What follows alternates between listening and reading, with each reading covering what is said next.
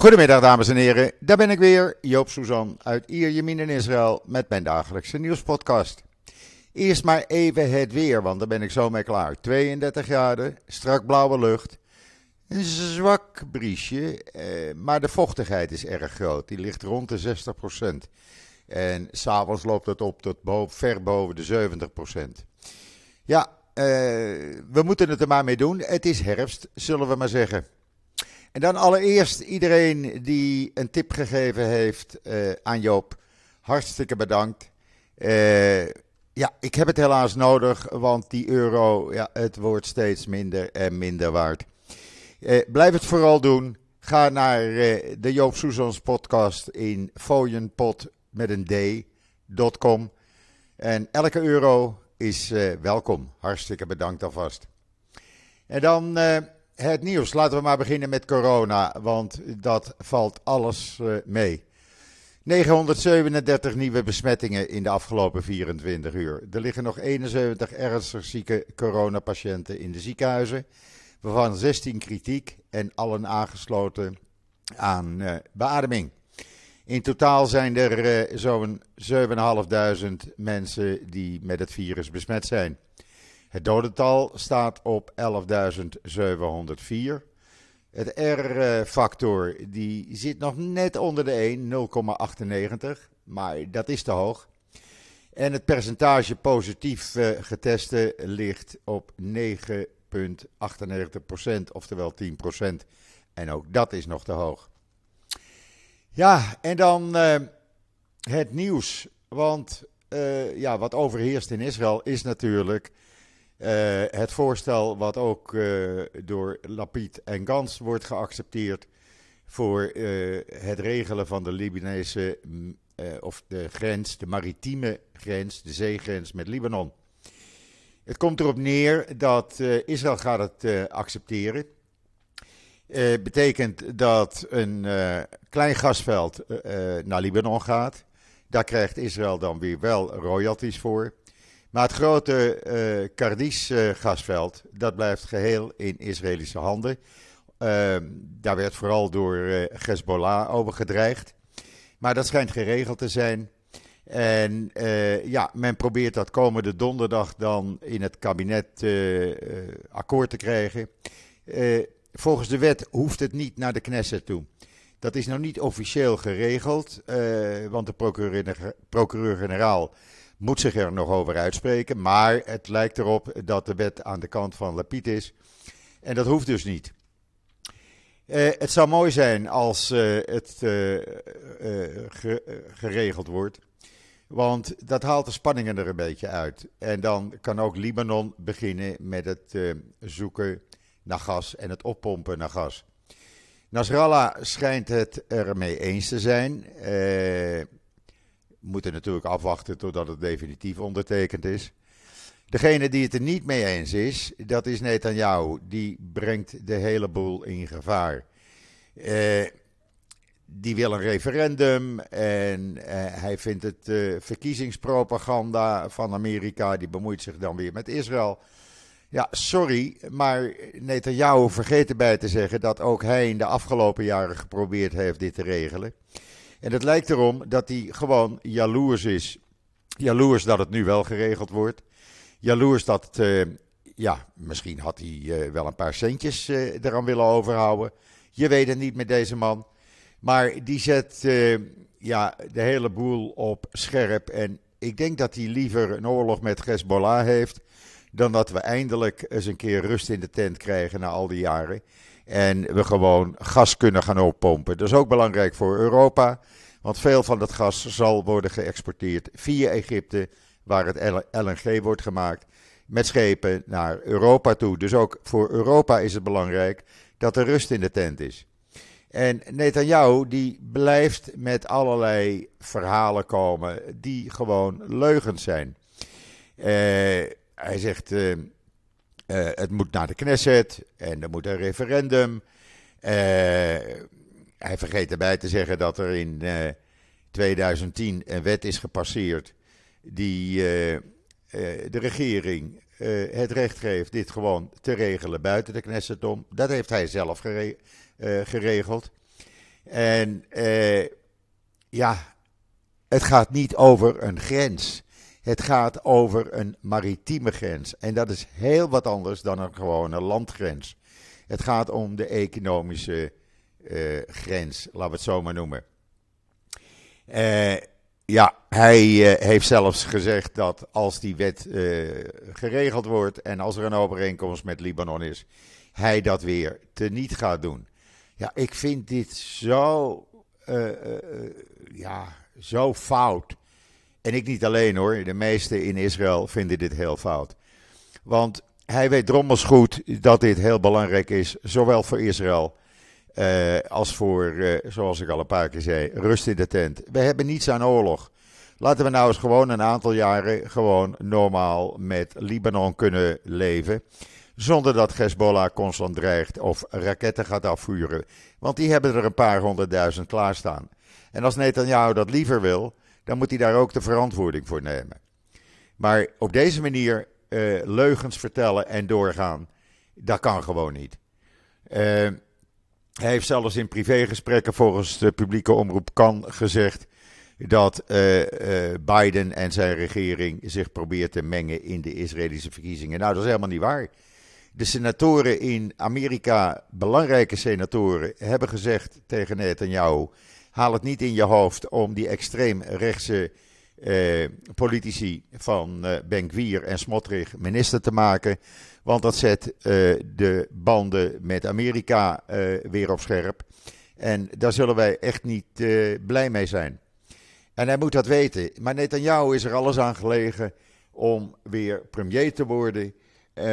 Eh, om op die manier het rechtssysteem naar zijn hand te zetten. Nieuwe rechters te benoemen in het Hoge Rechtshof zodat wanneer hij veroordeeld wordt, hij uh, gewoon nieuwe rechters daarvoor in de plaats kan, uh, kan brengen. Ja, op deze manier kan je niet doorgaan. Sorry. Maar Netanyahu moet eens een keer gewoon de waarheid gaan vertellen. En niet met allerlei verhalen aankomen. Ik maak me daar echt kwaad om. Ik vergelijk het met wat in Nederland aan de hand is. Waar gisteren uh, de fractievoorzitter van de PvdA, Adje Kuiken, een tweet plaatste waarin ze zei tegen uh, Ariep... Oh, wat naar nu voor je. Het gehuigel straalt er gewoon vanaf van die mensen. In plaats ervoor op te komen voor uh. Nee, geef ze nog een trap na en zegt ze: Oh, wat naar. Nou, sorry, ik heb daar geen woorden voor, voor dit soort gehuigel. En ik vind uh, dat de, de manier waarop Netanyahu uh, te werk gaat, is echt te vergelijken met de Nederlandse politiek. Uh, het gaat alleen maar om Netanyahu en het gaat niet om Israël. Bij Lapid, bij Gans, gaat het om Israël en komen zij op de laatste plaats. Ook zo als vandaag. Vandaag voor het eerst in tien jaar. Netanyahu heeft dat altijd tegengehouden. Komt de EU-Israël-associatieraad weer bij elkaar. Waarom is dat belangrijk? Dat is belangrijk omdat we toch goede banden moeten houden met uh, de Europese Unie. Uh, we hebben daar nou, daar nou eenmaal mee te dealen. Het bestaat en laten we dan ook die uh, besprekingen houden. Lapiet is ervoor naar Brussel gegaan. En degene die het leidt is de minister van Inlichtingen, El Elazer Stern. Die de Israëlische delegatie leidt.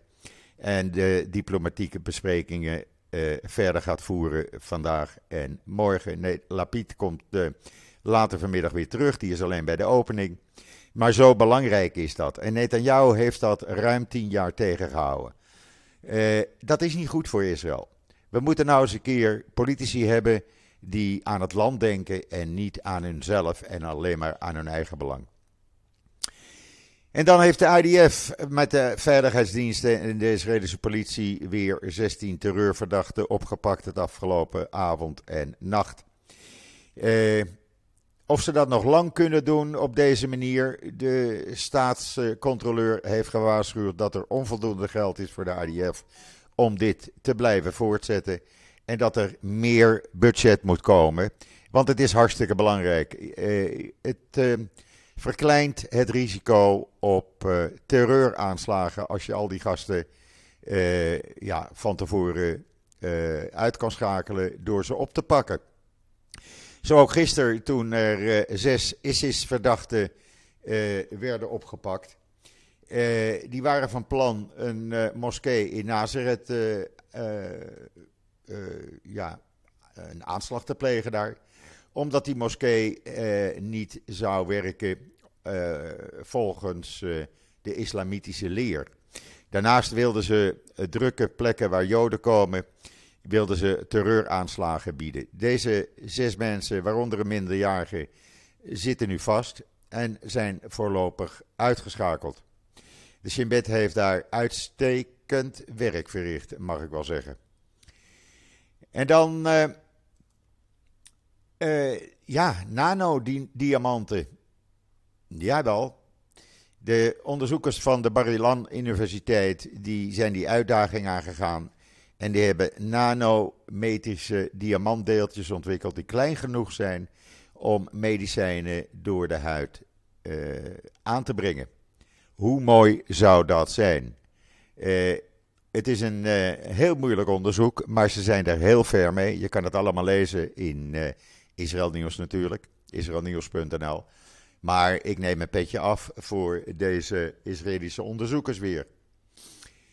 En dan uh, nieuwe Israëlische biotech. Jawel, het blijft maar doorgaan, mensen.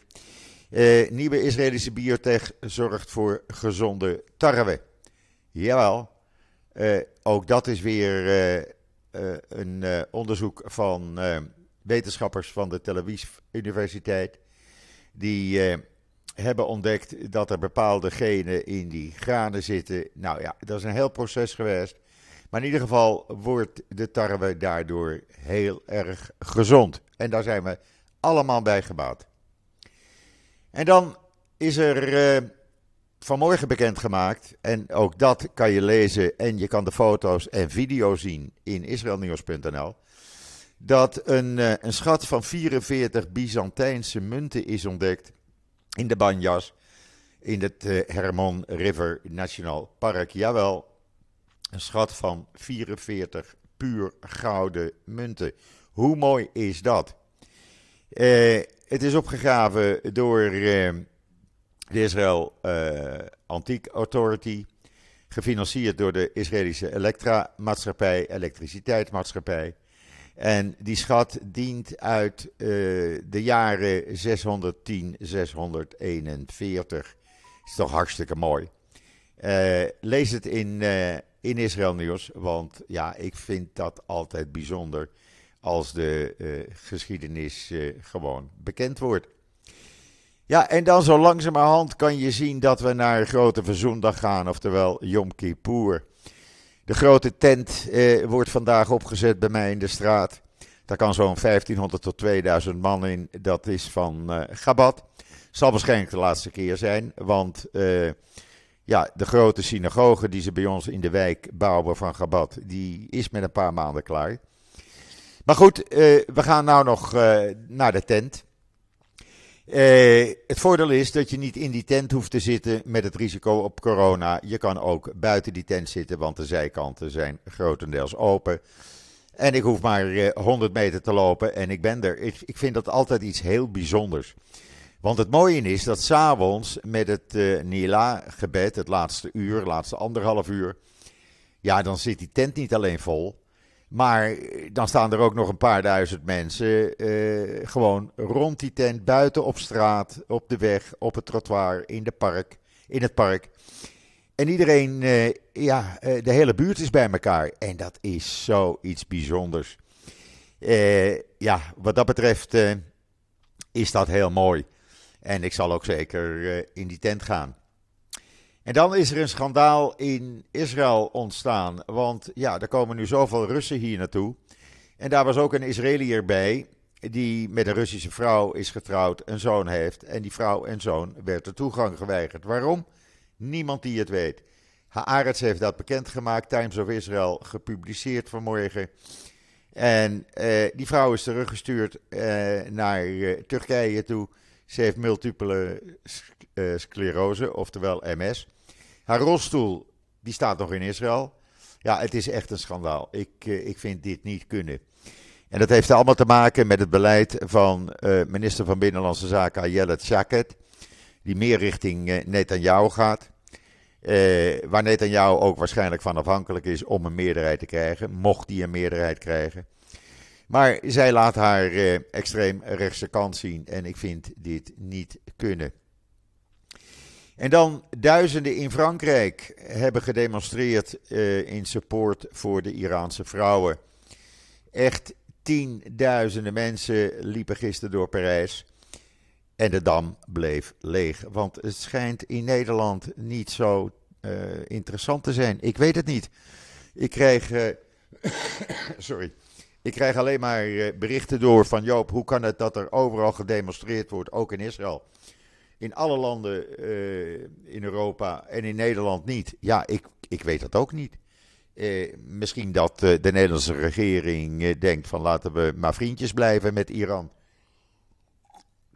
Nou, ik hoop dat deze demonstraties doorzetten en dat het, die ayatollahs gewoon af worden gezet.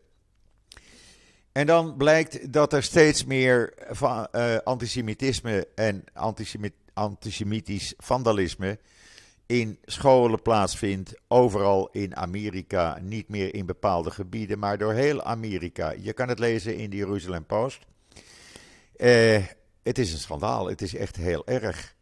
En gisteren trouwens heeft de Berkeley Universiteit, jawel, de beroemde Berkeley Universiteit, aangekondigd dat ze geen Zionistische sprekers meer zullen uitnodigen en toelaten.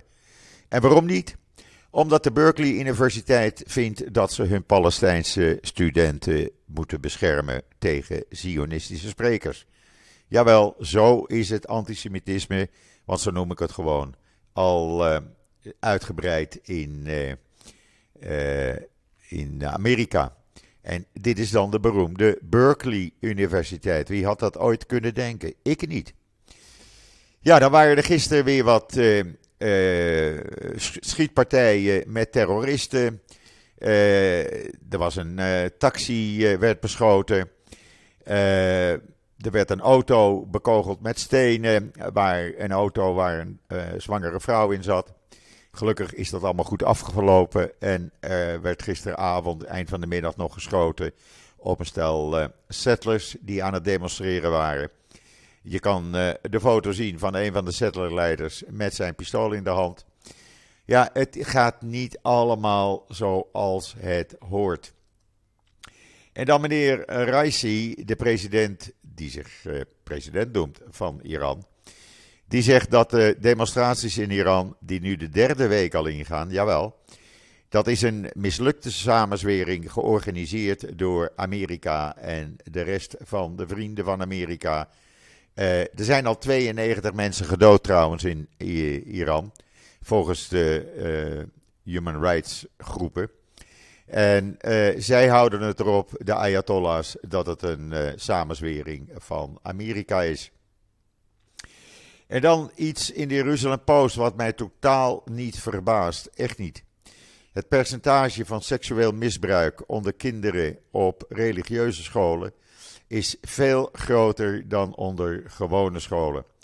Het blijkt dat er onder uh, ultra-orthodoxe uh, uh, families, laten we het zo maar zeggen, veel meer seksueel misbruik voorkomt van kinderen dan onder gewone kinderen, onder gewone scholen en gewone schoolkinderen.